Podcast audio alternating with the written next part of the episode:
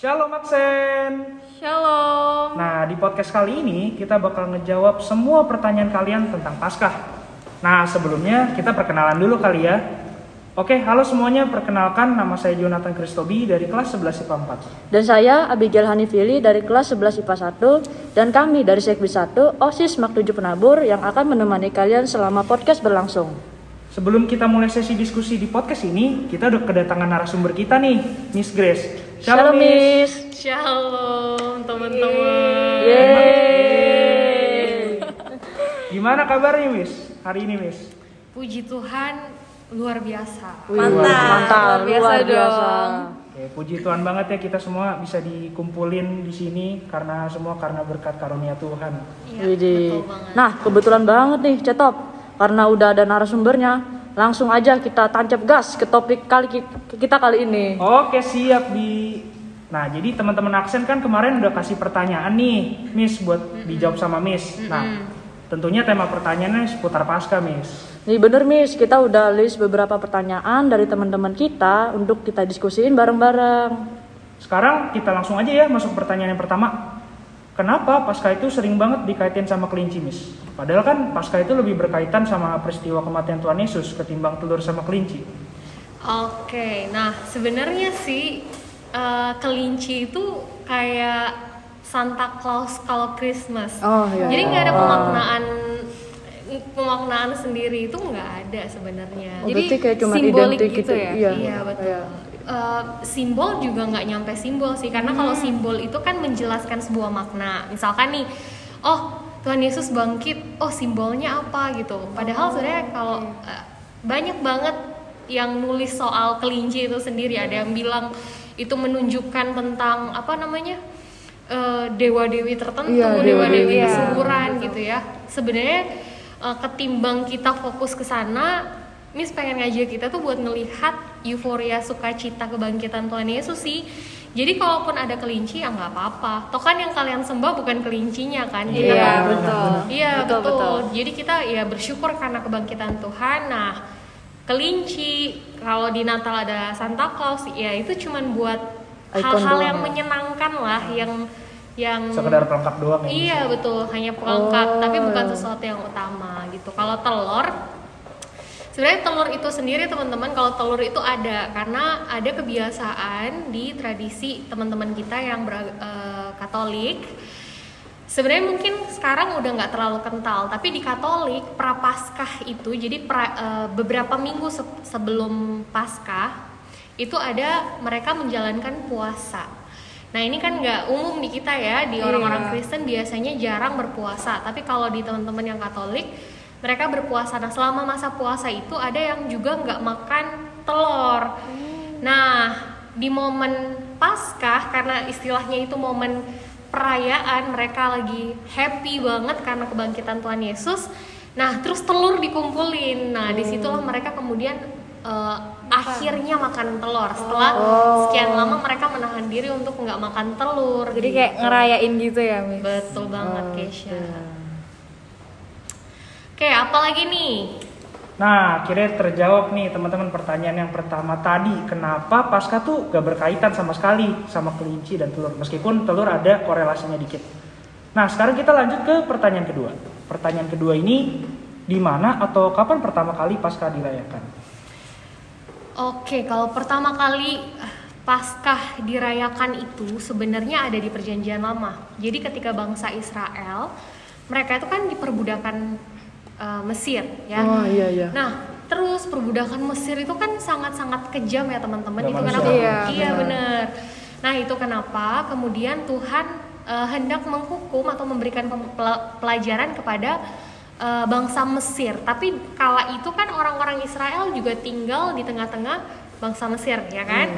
Nah, itu kenapa hukuman Allah itu supaya tidak eh, jadi hukumannya tuh salah satunya kan teman-teman kalau mau ingat salah satu tulah yaitu iya. anak sulung Ah, Iya. Eh, semua anak sulung akan mati gitu kan Iya. hanya saja waktu itu Tuhan berpesan untuk bangsa Israel kalian harus mengoleskan darah anak domba di eh, pintu-pintu rumah kalau mau terbebas dari kematian anak sulung. Nah, setelah mereka mengoleskan itu, ketika semua anak sulung bangsa Mesir uh, meninggal, Nah, anak-anak sulung bangsa Israel nggak meninggal. Nah, itu disebut sebagai Passover karena telah melewati Oh, masa-masa yang itu masa-masa yang mencekam itu gitu teman-teman karena kan serem banget ya kalau semua bayangin kita ngebayangin aja kalau semua anak-anak sulung meninggal Iya.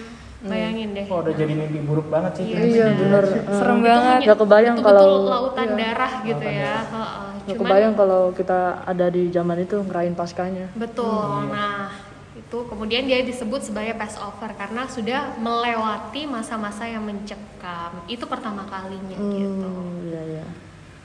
Oh, keren banget ya. Lanjut apa lagi nih, Top? Nah, ya sekarang kita lanjut lagi ke pertanyaan yang ketiga.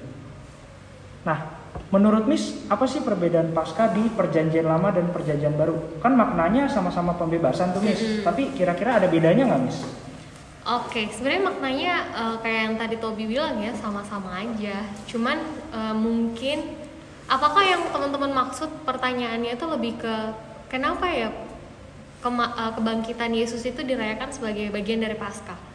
Iya. Seperti itu nggak sih teman-teman? Karena kan iya, kita iya, iya. korelasinya langsung ke situ kan. Oh di perjanjian baru Paskah itu berarti ngerayain kebangkitan Tuhan Yesus. Padahal sebenarnya di perjanjian baru itu orang-orang Yahudi itu belum menotis kebangkitan Yesus sebagai perayaan Paskah.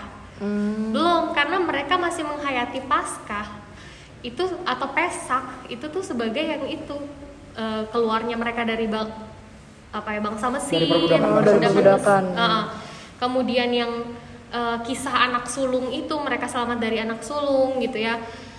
Nah, cuman ada kaitannya kenapa terus itu kita hidupi dan eh, murid-murid Tuhan Yesus hidupi kebangkitan Tuhan Yesus dilihat sebagai eh, perayaan Paskah karena eh, ketika di dalam perjanjian lama yang tadi sharingin pertama kali Paskah itu eh, dirayakan ketika darah anak domba itu dioleskan ke pintu-pintu untuk menyelamatkan anak-anak Anak anak sulung. sulung. Hmm. Nah, itu kemudian juga dihayati ketika Tuhan Yesus, anak domba Allah yang mati kemudian bangkit menem- eh, menyelamatkan umat manusia. Nah, penghayatan itu kemudian eh, dilihat dalam perjanjian baru, bukan perjanjian baru lebih tepatnya ya, pengikut-pengikut Kristus dan kita di masa kini, Hmm, yaitu gitu. eh, tapi zaman itu Tuhan Yesus juga masih merayakan Paskah sebagai mengingat kembali masa-masa keluar dari eh, penjajahan tan apa ya perbudakan tanah Mesir gitu.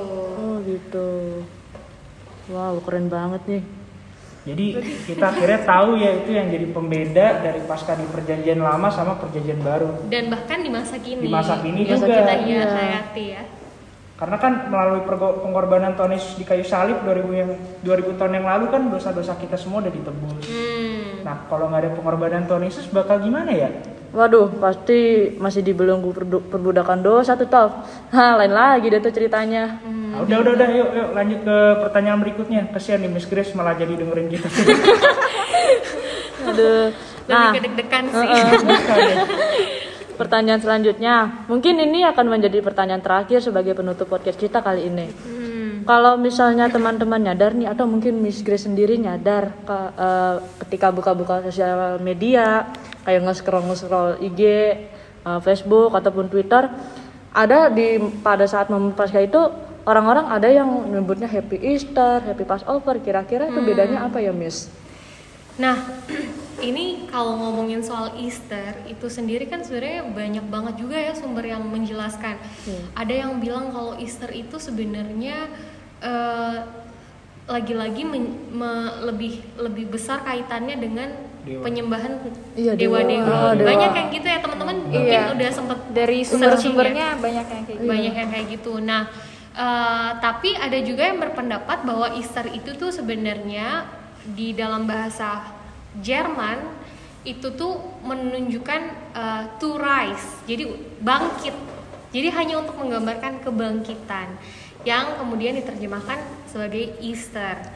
Gitu sih kalau Easter ya. Cuman sebenarnya dalam penghayatan iman kita sebenarnya lebih dekat dengan Passover. Passover. Iya. Karena memang yang tadi Miss jelasin, Passover itu betul-betul nunjukin gimana gambaran eh, bangsa Israel yang keluar dari eh, kematian anak sulung karena eh, darah anak domba yang terus dihayati lagi di eh, PB dan di masa kini gitu. Nah, gitu sih teman-teman cuman eh, lagi-lagi Miss pengen ngajak supaya kita tuh jangan cuman kayak oh Easter itu eh, nyembah dewa dewi tertentu loh atau kayak Natal deh teman-teman Oh karena iya, kan iya, iya, iya, kita lagi Natal. nyembah dewa dewi tertentu gimana kalau ketimbang kita musingin hal itu ya ini kan hanya pada pemaknaannya saya eh, apa ya Iya. kayak pem- pengertiannya saja lebih baik kita eh, kembali kepada penghayatan iman kita ketika oh, oke kamu ngucapin happy Easter gitu itu kan karena kamu lagi bersuka cita Betul. Ah, karena iya, kebangkitan betul. Tuhan jadi it's okay sih sebenarnya karena kalau mau lihat dari bahasa uh, Jerman itu sendiri to rise yang uh, diambil dari inti bahasa Jerman itu to rise. Nah itu juga kan sebenarnya penghayatan akan kebangkitan Kristus gitu kebangkitan yang terus dinamai ya gitu sih teman-teman. Jonis lebih menyarankan Passover. Passover. Karena Passover kayak- aja lebih ini biar lebih enak. ya Atau kalau misalnya nggak bisa bahasa Inggris, selamat Paskah. iya lebih cocok Cuma kasihan juga nih ke- eh, kalau orang-orang awam yang taunya tuh happy Easter, happy Easter gitu. Tuh kasihan tuh. Iya sih benar, tanpa mengetahui pemaknaan lebih lanjut Mm-mm. ya. Benar. Iya. Oke. Jadi teman-teman udah pada tahu nih ya bedanya penulisan Happy Easter sama Happy Passover. Jadi kalau misalnya nih yang cewek-cewek nih ya biasanya lagi mau update status atau story pas momen Pasca, mau tulis apa di captionnya jangan sampai salah tulis, ntar bisa beda pemahaman gitu guys. Waduh, seru banget nih ngulik-ngulik tentang Paskah. Bahkan ya ada beberapa peristiwa seputar Paskah yang baru kali ini kayak wah baru kali ini dengar gitu dan sebelumnya kayak asing banget menurut aku. Dan setelah dijelasin lebih detail lagi, lebih detail lagi oleh Miss Chris jadi wah jadi makin luas pengetahuan tentang Paskah. Nah, teruntuk teman-teman aksen yang nanya-nanya di chatbox story aksen, eh, aku ingin ngucapin terima kasih banget karena kalian udah mau berpartisipasi dalam bertanya dan pertanyaannya itu bener-bener out of the box banget loh. Jadi kalian itu bertanya sesuatu yang jarang ditanya sama orang-orang banyak. Iya ya keren banget wah ini patut dikasih apresiasi nih Cetop. Hmm, keren. Mantap, mantap. nggak terasa banget ya udah sampai di ujung topik podcast kita pada hari ini ya Top. Iya bi, gak kerasa banget ya kan kita ngobrolnya juga asik banget gitu Iya. ya. Jadi ngalir aja gitu. Jadi semoga apa yang tadi disampaikan sama Miss Grace dapat menjadi sumber informasi bagi teman-teman juga ke depannya dan juga menjawab pertanyaan teman-teman semua. Dan untuk Miss Grace terima kasih banyak Miss sudah meluangkan waktunya Thank untuk you. mau berbincang-bincang dengan kita. Terima kasih juga Tobi. Terima kasih semuanya. kasih. Terima kasih sudah mendengarkan. Sampai jumpa lagi. Dah, Oke, God bless nah, you. karena sesi diskusinya udah selesai, kita mau pamit undur diri. Saya Chris Tobi. Dan saya Abigail. Tuhan Yesus memberkati. Yeay.